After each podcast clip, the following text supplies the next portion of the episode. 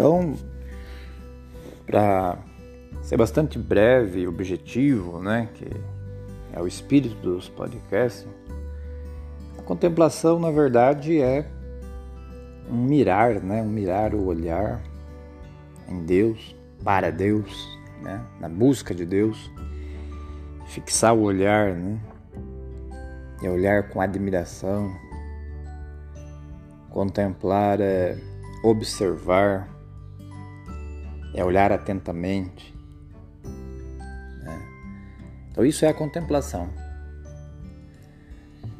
Bom, mas e aí, né? O que se faz com isso, né? Bom, com isso se faz muita coisa. Porque a contemplação e o olhar, né? Se a gente lembrar do que Jesus falou sobre a luz nos olhos, todo o corpo terá luz. Quem não deseja luz, né? Quem não deseja luz?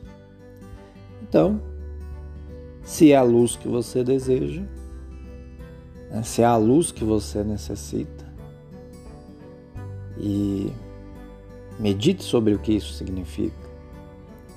Então, se é essa luz, nada melhor do que o exercício da contemplação.